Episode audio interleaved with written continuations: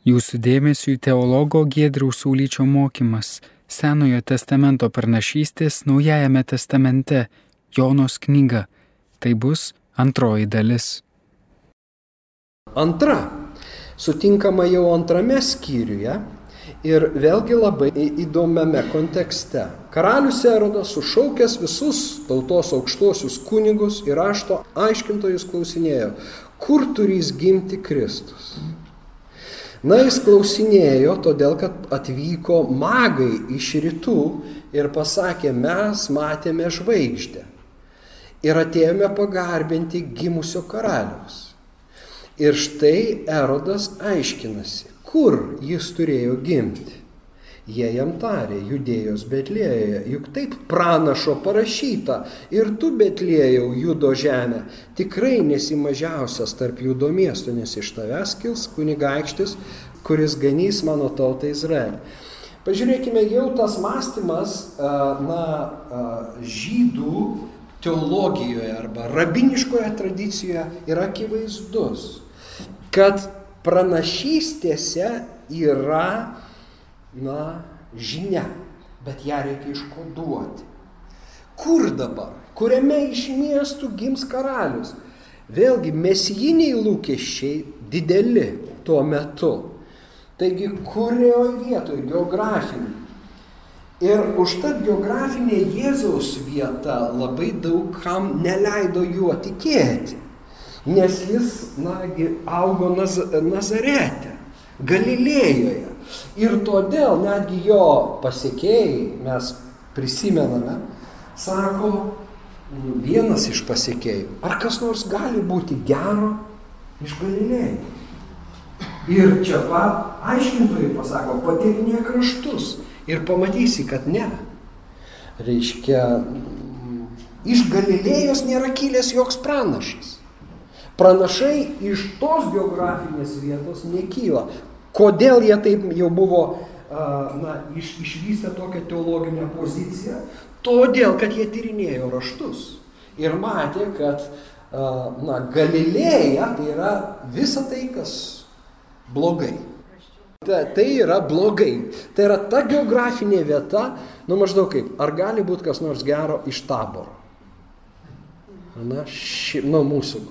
Ar gali kas nors būti iš taboro? Arba, pavyzdžiui, Vilniui ten iš naujininkų kokio. Ar gali kas nors, ar gali koks nors, na, menininkas naujininkose. Aišku visiems, kad ne. Visi menininkai iš Antakalnio, kur nors prie Čiurlionio mokyklos arba iš Senamešio. Arba, nu, aš juokauju, aišku. Bet uh, jie remiasi raštais. Ir sako, taip yra viena pranašystė. Dabar žiūrim, kur ta pranašystė. Ta pranašystė yra Michėjo penktame skyriuje ir skamba taip. O tu, Efrata Betlėjau, nors esi mažas tarp judo miestų, bet iš tavęs kils tas, kuris bus valdovų Izraelėje. Jo kilmė siekia pradžios laikus, amžinybės dienas, užuomina, na,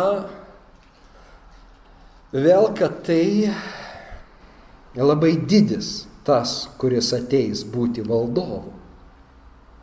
Bet aš įtraukiu ir dar vieną, tai yra aramėjiška uh, targum, targumą, nes noriu praplėsti vaizdą. Targumai, kas buvo targumai? Targumai buvo ištraukos, jau rabinai imdavo, mokytojai, vat, Izraelio imdavo kažkokią ištrauką, jos pagrindų pasakydavo pamokslą arba midrašą, paaiškindavo. Sakydavo, o tai yra taip ir taip, ten buvo tas taip ir taip. Ir, na, midrašai labai yra įdomus dalykai. Tai yra irgi kosmosas mums. Mums absoliutus kosmosas. Supraskim, mums lietuviams ir apskritai europiečiams hebrajiškas, kaip, pavyzdžiui, hebrajas žiūri į Seną testamentą, jį paima ir kaip jį aiškina, mums tai yra, na, sakai, čia tu vėl susiduri su kažkuo labai vieną svetimų, nepažįstamų. Ir norint tai suprasti, reikia labai nusilenkti žemai. tapti mokiniui, visų pirma išmokti hebrajų kalbą kažkiek bent. Pradėti bandyti suvokti jų mąstymą, kaip jie masto. Kodėl tie laikui bėgant, mes praeitą kartą sakėm, hebrajai diaspora išblaškyti, pamiršta hebrajų kalbą. Ir jie pradeda kalbėti aramėjiškai, kas yra miksas, sumaišyta hebrajų kalba su kitom kalbom. Ten, kur jie gyvena, jie pamiršta. Ir galiausiai visas Senasis testamentas yra išverčiamas į aramėjų kalbą ir targumas įgauna tą prasme. Targumas tai yra aramėjiškas Senasis testamentas, bet įdomu, kad tame tekste targumo yra praplėtimai. Tai, ko nėra, sakykime, hebrajiškiam tekste, yra targumuose. Na ir šita vat vieta, žiūrėkime. Targumas būtent Michėjo pranašystės pagrindų sako, ir tu betlėjo Fratą, tu, kuris buvai per mažas, kad būtum skaičiuojamas su tūkstančiais judo namų, žiūrėkime, jau tam tikri niuansai atsiranda iš tavęs mano akivaizdoje pakils pateptasis atsiranda, nebe valdovas, o mesijas, mešijach.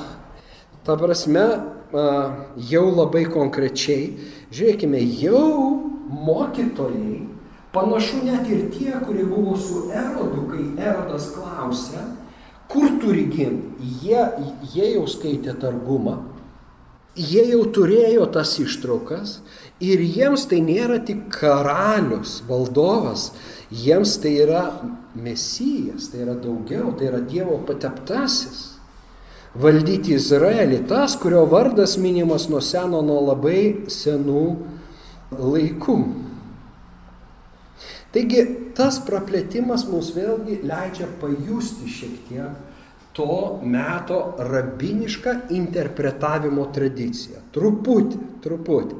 Bet turėkime galvoj, kad tuo metu nebuvo tokio dalyko kaip vieningas senasis testamentas. Buvo targumas, buvo septuaginta, graikiškai, reiškia vertimas į graikų kalbą, vertimas į aramėjų kalbą egzistavo ne vienas, o skirtingi hebrajiški tekstai.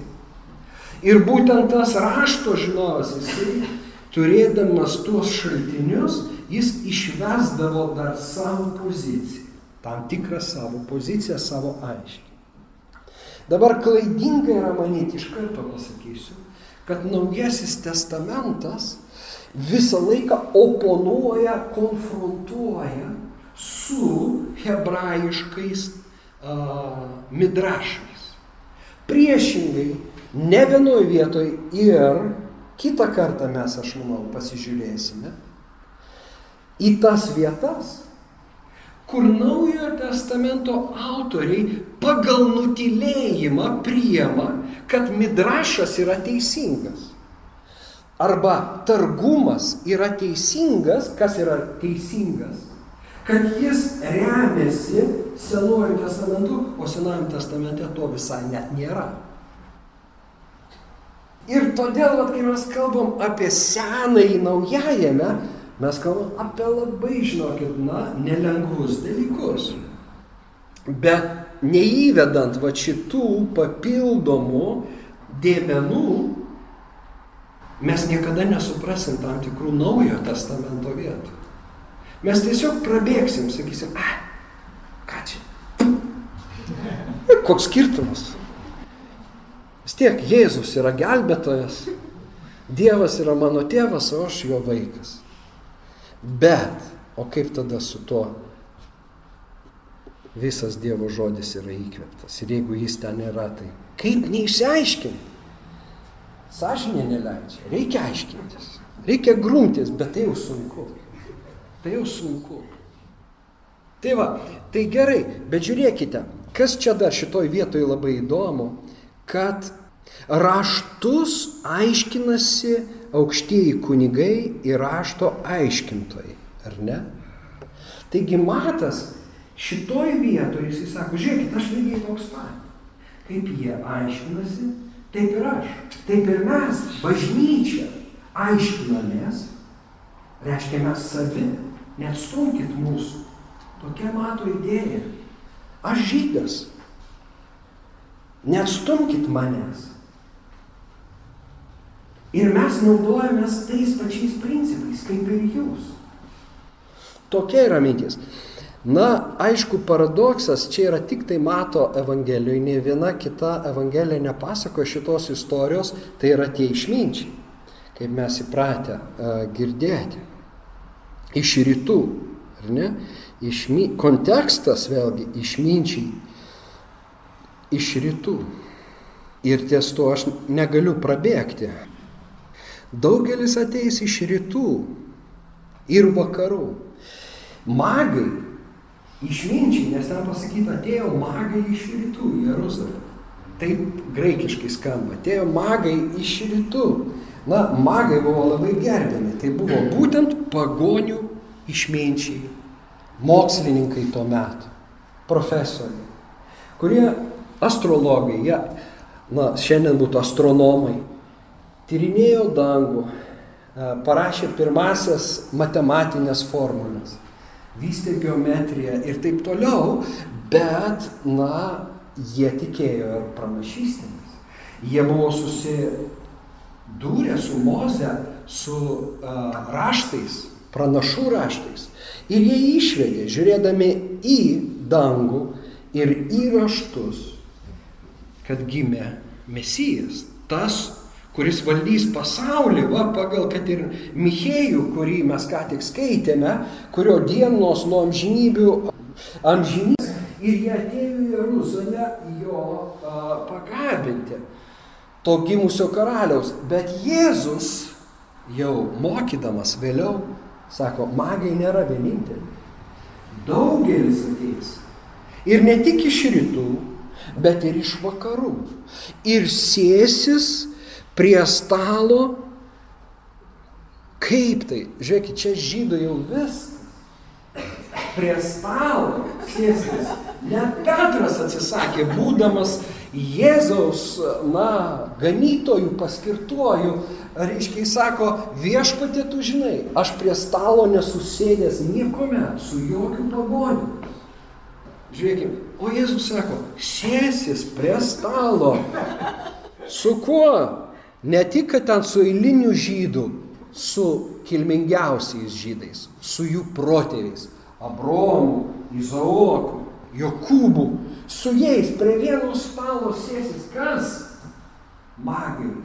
Sėsis išvakar. Sėsis tie pagonys, kurių jūs taip, na, kuriais jūs bjauritės, kurios jūs astumėt, su kuriais jūs kovojat. O paradoksas tas, karalystės vaikai bus išmesti laukan į tamsybės. Kada jis šitą pasako? Būtent, kai prie jo prieina šimtininkas, romėnų kareivis. Ir sako, mano tarnas serga, tark žodį ir jis pasveiks. Ir tada Jėzus, pažiūrėkit truputį aukščiau, sako, tai išgirdęs stebėjosi ir kalbėjo einantiems iš paskos. Iš tiesų sakau jums, niekur Izraelyje neradau tokio tikėjimo. Štai romėnas tiki, o štai savasis ne. Bet tada jis sako, tiesą sakant, tai pranašystė. Čia jis pranašavo. Tai principas. Pasavosius atėjo savį gyvenimą. Joks pranašas nėra priimtinas savo namuose. O štai iš rytų ir iš vakarų atėję, tai yra pagonys priims mesiją, priims Kristų kaip savo viešpatį, kaip jiems siūsta išganytoje. O tie, kam, kur, kam jis buvo siūstas, kuriems jis buvo siūstas. Ne. Štai negali, dabar žiūrėkit, kadangi tai yra tas pats matas, kuris papasakoja antram skyriui tą istoriją, tada aštuntam skyriui mes turim šitą gabaliuką, o 21 skyriui mes turime po vieno palyginimo tokią tezę, Dievo karalystė bus iš jūsų atimta ir atiduota tautai, kuri duos vaisių. O palyginimas yra apie vynogyną, kurį ūkininkas išnuomojo, bet nuomininkai nusprendė perimti kaip savo nuosavybę tą nuomotą turtą. Kai šeimininkas atsiųsdavo, kad atsimtų dalį, bent dalį savo vynogyno vaisiaus, tie pasiuntiniai būdavo užmušami, užmėtomi akmenimis ir jis negaudavo tos dalies. Galiausiai jis pasiuntė savo sūnų, gal gėdysis mano sūnaus, bet jie sumetė, užmušime sūnų, palikimas mūsų. Niekas vinogino iš mūsų nebetims. Ir kai Jėzus kalba, tai auditorija suprato čia pat. Nes auditorijoje buvo tie, kurie taip ir mąstė. Mesijas gerai, bet jei jis ateis, kur dėsimės mes. Su tokiom širdim, su tokiom nuostatom mums vietos nebus. Ir Jėzus tiesiog įvardina, taip, jums vietos nebus. Jūs būsite išmesti laukan. O bus atiduota tautai, kuri gražins tuos vaisius. Tam, kuris išlomavo. Matot, bažnyčia nėra žmonių darbas. Bažnyčia visa tai, kas vyksta teologiniai srity ir, na, liturginiai bažnyčiai, tai nėra taip, kad kas nors galėtų sakyti, tai mano. Tai yra viešpatės, tai yra Dievo reikalai. Visi mes tik įstojame pagal tam tikrą mums duotą malonės saiką, atseikėtą, atliekam savo darbą ir išeinam. Yra tas, kuris tvarkosi. Tačiau kaip tuo met, taip ir šiandien, taip visais laikais, toje dirboje auga ne tik tai kviečiai, bet ir pelai, raugės. Yra vat tie, reiškia, kurie staiga iš religijos daro verslą, iš religijos daro ką? Na, uh, pradeda savintis, tai mano. Ir tai tokia realybė. Ir tai taip liūdna, kad jis su Izraeliu taip atsitiko tuo metu, kai Jėzus vaikščiojo ten, tarp jų. Bet kaip matome, Matas neužbaigė šitos žinios. Ta pranašystė tarsi Jėzaus žodžiais tęsiasi, bet liejau tu esi mažas miestas. Yra tos netikėtos vietos. Mm. Tos netikėtos vietos, kurios taiga tampa svarbios vietos. Yra tie atstumtieji, kurie staiga dalyvauja. Ir tie išrinktieji, kurie staiga nutyla. Ten jis prabuvo iki erodo mirties, kad išsipildytų, kas viešpaties buvo pasakyta per pranaštą. Iš Egipto pašaukiau savo sūnų. Čia Juozapas pabėga į Egiptą. Ir po to sugrįžta. Iš Egipto pašaukiau savo sūnų. Tokia pranašystė. Viešpaties buvo pasakyta per pranašą, sako Matas. Ieškome, atrandame, kad tai pasakyta pranašo Ozėjo 11 skyriui. Ir pasakyta štai tokiam kontekste. Kai Izraelis buvo jaunas, mylėjau jį. Ir iš Egipto pašaukiau savo sūnų. Kuo labiau juos šaukiau, tuo toliau jie traukėsi nuo manęs. Jie aukodavo balams ir smilkydavo drožiniams. Pirmas dalykas, kuris krenta į akis, tai yra tai, kad tai nepranašystė. Ne apie tai, kas bus, o apie tai, kas buvo. Ne? Kai Izraelis buvo jaunas, mylėjau jį ir iš Egipto pašaukiau savo sūnų. Izraelis pavadinamas Dievo sūnų, o jo jaunystė yra išėjimas iš Egipto.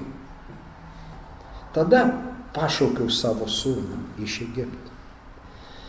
Bet kadangi Matas skaito tą Senąjį testamentą kristologiškai, jis be abejo negali šitų paralelių na, praleis prokis. Va kokia esmė, kad Mesijas, Jėzus, kaip mylimas Dievo sūnus ir yra tas Izraelis, kuris nueina Izraelio kelią. Todėl būdamas jaunas, jis atsiduria Egipte, kaip Izraelis būdamas jaunas buvo Egipte. Ir staiga Ozėjo pasakojimas tampa pranašystė. Tiesiog naratyvas apie Izraelio praeitį tampa pranašystė apie tai, kad Juozapui su Marija dėl erodo įniršio, kuris ieško kaip vaikus nužudyti, išsiaiškinęs, kurgi turi gimti tas uh, karalius, jis išžudo visus vaikelius Betlėjuje. Tuo metu Juozapas, bijodamas, kad iki jų visgi dasikas, vyksta į Egiptą, bet tame yra apvaizda. Iš Egipto pašaukiau savo sūnų. Matot, matui visai nesvarbu, kad Ozėjas nepranašauja šioj vietoj, o kalba apie praeitį. Kodėl jis savo leidžia taip? Todėl, kad jam leidžia ne tik šventoji dvasia, bet ir to meto, va tie midrašai, kas juose yra taip daroma. Ir tie targumai, tie pamokslai, rabinų leidžia. Tai yra tam metui būdinga hermeneutika arba aiškinimo metodai. Ir šita prasme matas niekuo neišsiskiria. Mums atrodo keista, jiems ne. Jiems kliūna ne kaip yra aiškinamos pranašystės, o kam jos taikomos, į ką jos rodo. Jiems nepriimtina, kad rodoma į Jėzų iš Nazareto. Tai nepriimtina. Bet kaip tai daro, viskas tvarkoj. Taigi Matas mums parodo tą kontrastą drauge. Izraelis iš Egipto išeina murmėdamas dikumoje, bet Dievas pasigailį Izraelį. Jėzus kita vertus yra klusnus tiek savo tėvams, tiesa tai Lukas jau sako, tiek Dievui. Iki mirties, iki kryžiaus mirties jis pašlovina Dievą ir priešingai nei Izraelis susilaukia rūstybės atpildo.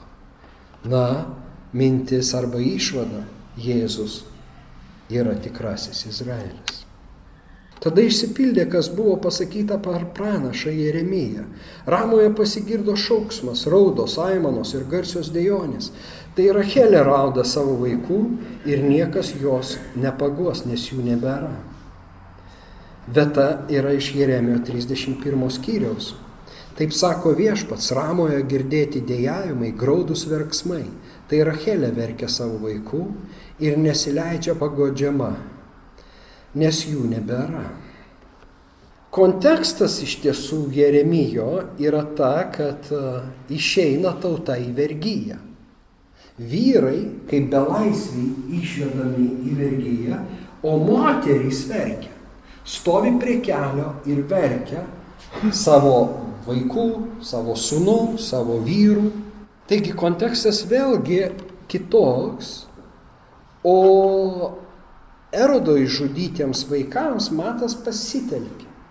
Vėlgi, jeigu žiūrėt konteksto, tai netitinka.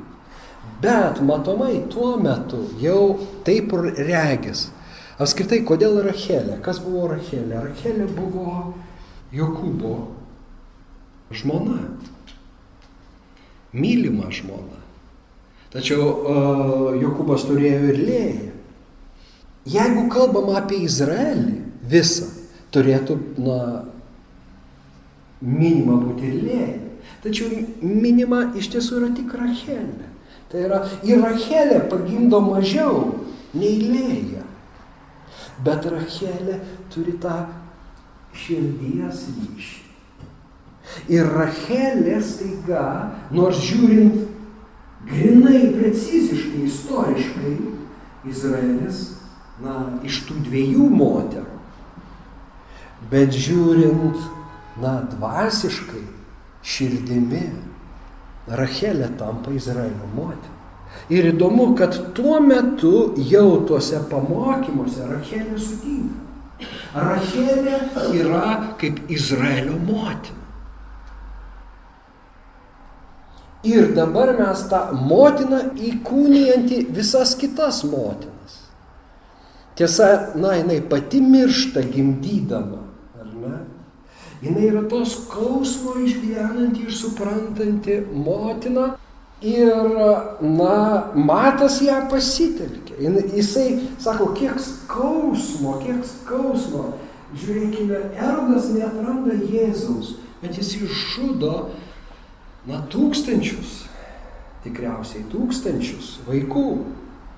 Ir motinos verkia. Ir matas sako, tai ir Helė verkia savo vaikų. Bet iš tiesų, kai skaitai Jeremijo 31 skyrių, pamatai, kad apskritai tas skyrius yra labai viltingas. Iš tiesų tai yra tik viena ta nedidelė tokia atskausminga ištraukėlė. Visas skyrius yra labai viltingas. Sako, taip, dabar tie vaikai išeina, bet jie sugrįž, sugrįž į savo kraštą.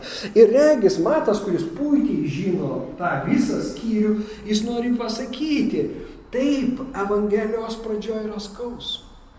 Taip, reiškia, ne viskas taip, kaip norėtųsi. Ir Erodas įtūžęs dėl Dievo planų, tai kad Dievas su mumis, bet tie vaikai sugrįž. Tos motinos bus paguostos.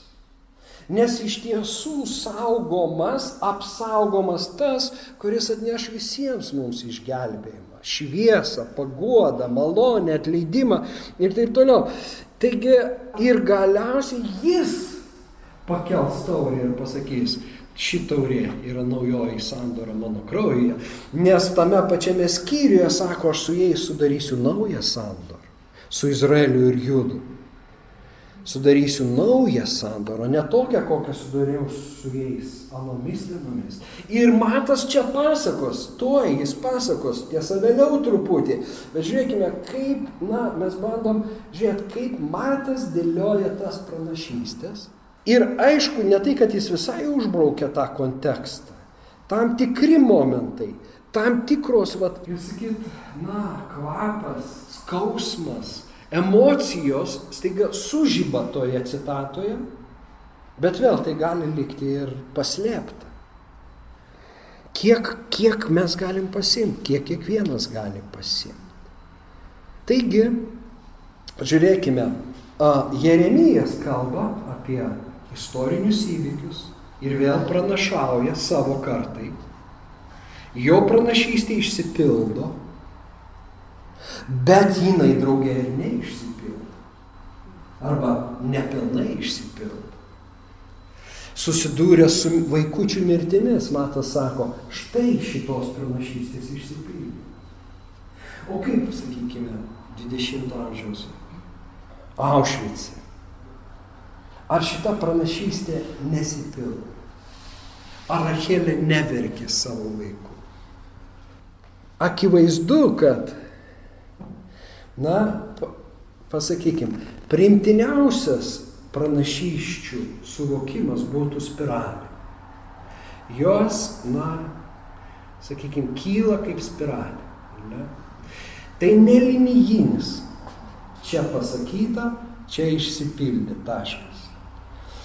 Bet tai yra žinia, kuri atsikartoja ir atsikartoja. Tokiu būdu pranašystė, aišku, kulminacija pasiekė Kristuje, tačiau jinai aktuali ir toliau. Ir po Kristaus jinai vis dar aktuali. Ir kiekvienoje kartoje, ta prasme, ir mums skaitant, mes taiga pajuntame, kad kažkurios vietos mus užgauna, paliečia širdį, paaiškina gyvenimo situaciją. Ir tarsi Dievas sako, štai tu esi tas herojus. Šiandien tu išgyveni tai, ką išgyveno va šitas mano žmogus. Šiandien tavo aplinkybės yra tokios, kaip va šitos moters, mano dukros. Žiūrėk. Ir kai mes tą suvokiame, mus paguodžia Dievo dvasia. Palauk, Jis ištentė visą tai, jis praėjo ir aš praeisiu. Dievas jo gailėjusi, jis pasigailės ir manęs. Dievas jį apsaugojo, jis apsaugos ir manęs. Štai kaip šventas raštas nepraranda savo aktualumo. Ir pranašystės senos, nors ir išsipildė Kristuje, bet jos toliau veikia, jos toliau gyvos. Toks supratimas aš manau, yra pats teisingiausias. Nors vėl pasakysi, ar negali čia būti tavo fantazija? Be abejo, gali. Niekas neapsaugotas. Mes prisigalvojam įvairiausių dalykų. Na, ypač jeigu tu jau pradedi gal, na, sakyti, aš esu Dovydas, ten, na, koks nors ten, reiškia, galingasis ar ten tas, jau panašu, kad tu prisigalvoji. Ir kaip apsaugot, nu niekaip neapsaugosi, prisisapnavo, prisigalvojo. Reikia prasirgti, visi vaikai pra, prasirga ten, žinot, tais timais, ten dar raudoniukė ir, ir panašiai. Taip ir krikščionis, kai mes pradedam, žiūrėkit, yra laikas, kol mes neskaitom švento rašto. Tada viskas gerai, viskas aišku. Kai pradedam skaityti, O, kaip faina. Ir čia pats susirga. Į didybės mane puola. Dabar aš darau tą Dievo darbą. Ten darė nie, dabar mes darom. Arba, a, a, tai lyga. Bet Dievas nepyksta, jis žiūri kaip, kaip nu, į tuos vaikus, kurie, kaip jie užauks, jeigu jie neprasirgs tomis lygomis. Bet jeigu mes išliekam ištikimi, žiūrėk, tos lygos kažkur praeitį, mes toliau Sako, mes dalyvaujam Dievo darbe. Mes vis dar Dievo rankose. Mes vis dar, na, su juo. Mes, brangiai, susiliečiam su šventais dalykais. Iš tiesų, tai, ką va tie hebrajai, barzdoti, e, su tais, reiškia, visais kutais, atsivertę tos rytinius, jie studi... mes dabar studijuojam. Mes susiliečiam, žinokit, su tom gilybėm. O. Atvykęs ten jis apsigyveno mieste, kuris vadinamas Nazaretu, kad išsipildytų, kas pasakyta per pranašus. Jis bus vadinamas Nazariečiu. Va čia tai, žinokit, riešutėlis. Nazaretas nepaminėtas nei karto Senajame testamente. Nei karto. Reiškia, tas miestas Jėzaus laikais jame gyveno maždaug 500 žmonių. Todėl Evangelijose mes sutinkame, kai sako, kas jis toks? Na, Jėzus. Taigi mes jį pažįstam. Jo broliai su mumis, jo sesė su mumis. Jisgi mūsų kieme bėgioja. Ką iš čia dabar apie save kalba? Dievas patepė mane. Ten žmonių nedaug buvo, tą aš noriu pasakyti. Bet priešingai nei Betlėjus, jeigu ir tu Betlėjau, Efratą, apie Efratą mes nepašnekėjom, bet gal ir nereikia, nu, visko, visų detalių, nu, per, per gilu galbūt. Bet niekur nėra Nazareto. Nėra. Nėra. Nazaretas. Ne tas miestas, apie kurį šnekam. Šventajame rašte. Nu, tai bandom aiškinti, kodėl matas, sako, ką jis turi omeny, jis bus vadinamas Nazariečiu. Tark kitko, Nazarietis irgi labai įdomus dalykas. Graikų kalba yra du skirtingi žodžiai. Na, lietuviškai tai būtų taip - Nazarietis ir Nazarėnas. Ir įdomu, kad Morkus naudoja Nazarietis, o Lukas Evangelijoje naudoja Nazarėnas. Bet apaštalų darbuose Nazarėtis. Ir Jonas. Žodžiu, dar du žodžiai. Na, bet mes, kaip sakom, Vilnietis, Vilnienas nesakom, bet, nu, jo, sakom, Vilniškis ten. Ir, ir taip ir čia. Čia iš to daug nedaro.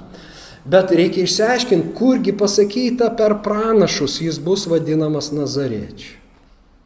Na tai vad jūs matote, yra keletą, reiškia, Yra mažiausiai šeši aiškinimai. Bet aš paminėsiu du. Pirma, kad tai yra žodžių žaismas. Nazaretas ir Nazir. Senajame testamente skaičių knygoje mes atrandame Nazarėno įstatymą. Nazarėnas hebrajams galėjo tapti bet kuris vyras ar moteris, kuris sako, aš noriu pasišvesti Dievui ir sutvarkyti tam tikrus dalykus. Nuo šiandien iki naujų metų aš negeriu vyno ir, na, mm, nevalgau mėsos. Ar nors apie mėsą nėra tai, bet dar kažką aš susilaikau. Ir tada jis tampa Nazarė. Jisai nesiskuta, augina plaukus, bet kai baigėsi tas metas, jis nusikerpa. Nusiskat. Ir mes apaštalų darbuose matome, kad Paulius tai yra padaręs. Na, Reiškia, toks yra tas Nazarėno įstatymas. Dabar istoriškai mes žinom, kad Nazarėnais ne tik trumpą laiką, bet visą gyvenimą buvo Samsonas, na, turėjo būti bent, Samuelis ir Jonas Krikštytojas. Jie yra tie pašvestieji Dievui. Jie nekerpa plaukų. Reikėsi, sakykime, Jonas, na, tuo kailiu ar, ar, ar, ar oda, kaip pranašas, vėlgi čia su Elijum sąsaja yra, valgo žiogus, reiškia, nenormalų maistą, negeria vyno visiškai, reiškia, tai yra Nazarėtas. Problema su šito aiškinimu yra ta, kad Jėzus nebuvo na, Nazyras. Nes vat aš duodu tą hebrajišką, yra Nazir. O čia Nazir. Jėzus nebuvo, jis ir valgė, ir gėrė, ir, ir, ir na, jam ir priekaištadavo už tai. Bet gal tai tiesiog žodžių žaidimas. Reiškia, Nazaretas, Nazyras, juk jis tai šventas. Juk šventas. Todėl ir bus vadinamas tuo Nazariečiu. Pašvestų, atskirtų Dievui. O ta jau plaukai, kasa vadindavosi Nezer. Ir, na, vat, iš raudų knygos, kad nazyrai buvo tyresni už sniegą, baltesni už pieną, jų kūnai rausesni už koralą, sveiko gyvenimo na, būdo įtakoj, safyros spalvos. Tai čia būtų vienas aiškinimas, kitas aiškinimas susijęs su kitu hebrajišku žodžiu necer. Necer. Tai yra paskutinė, mačiavo, ir rodoma Izaijo 11.1.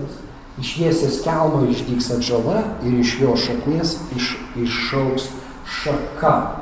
Vat necer. Ir manoma, kad galbūt tai aluzija, nes a, šita pranašystė yra mesijinė. Jis kalba apie mesiją. Ir iš tiesų atžala, bet tai yra jau kitas žodis, sutinkamas kaip na, mesijinis terminas.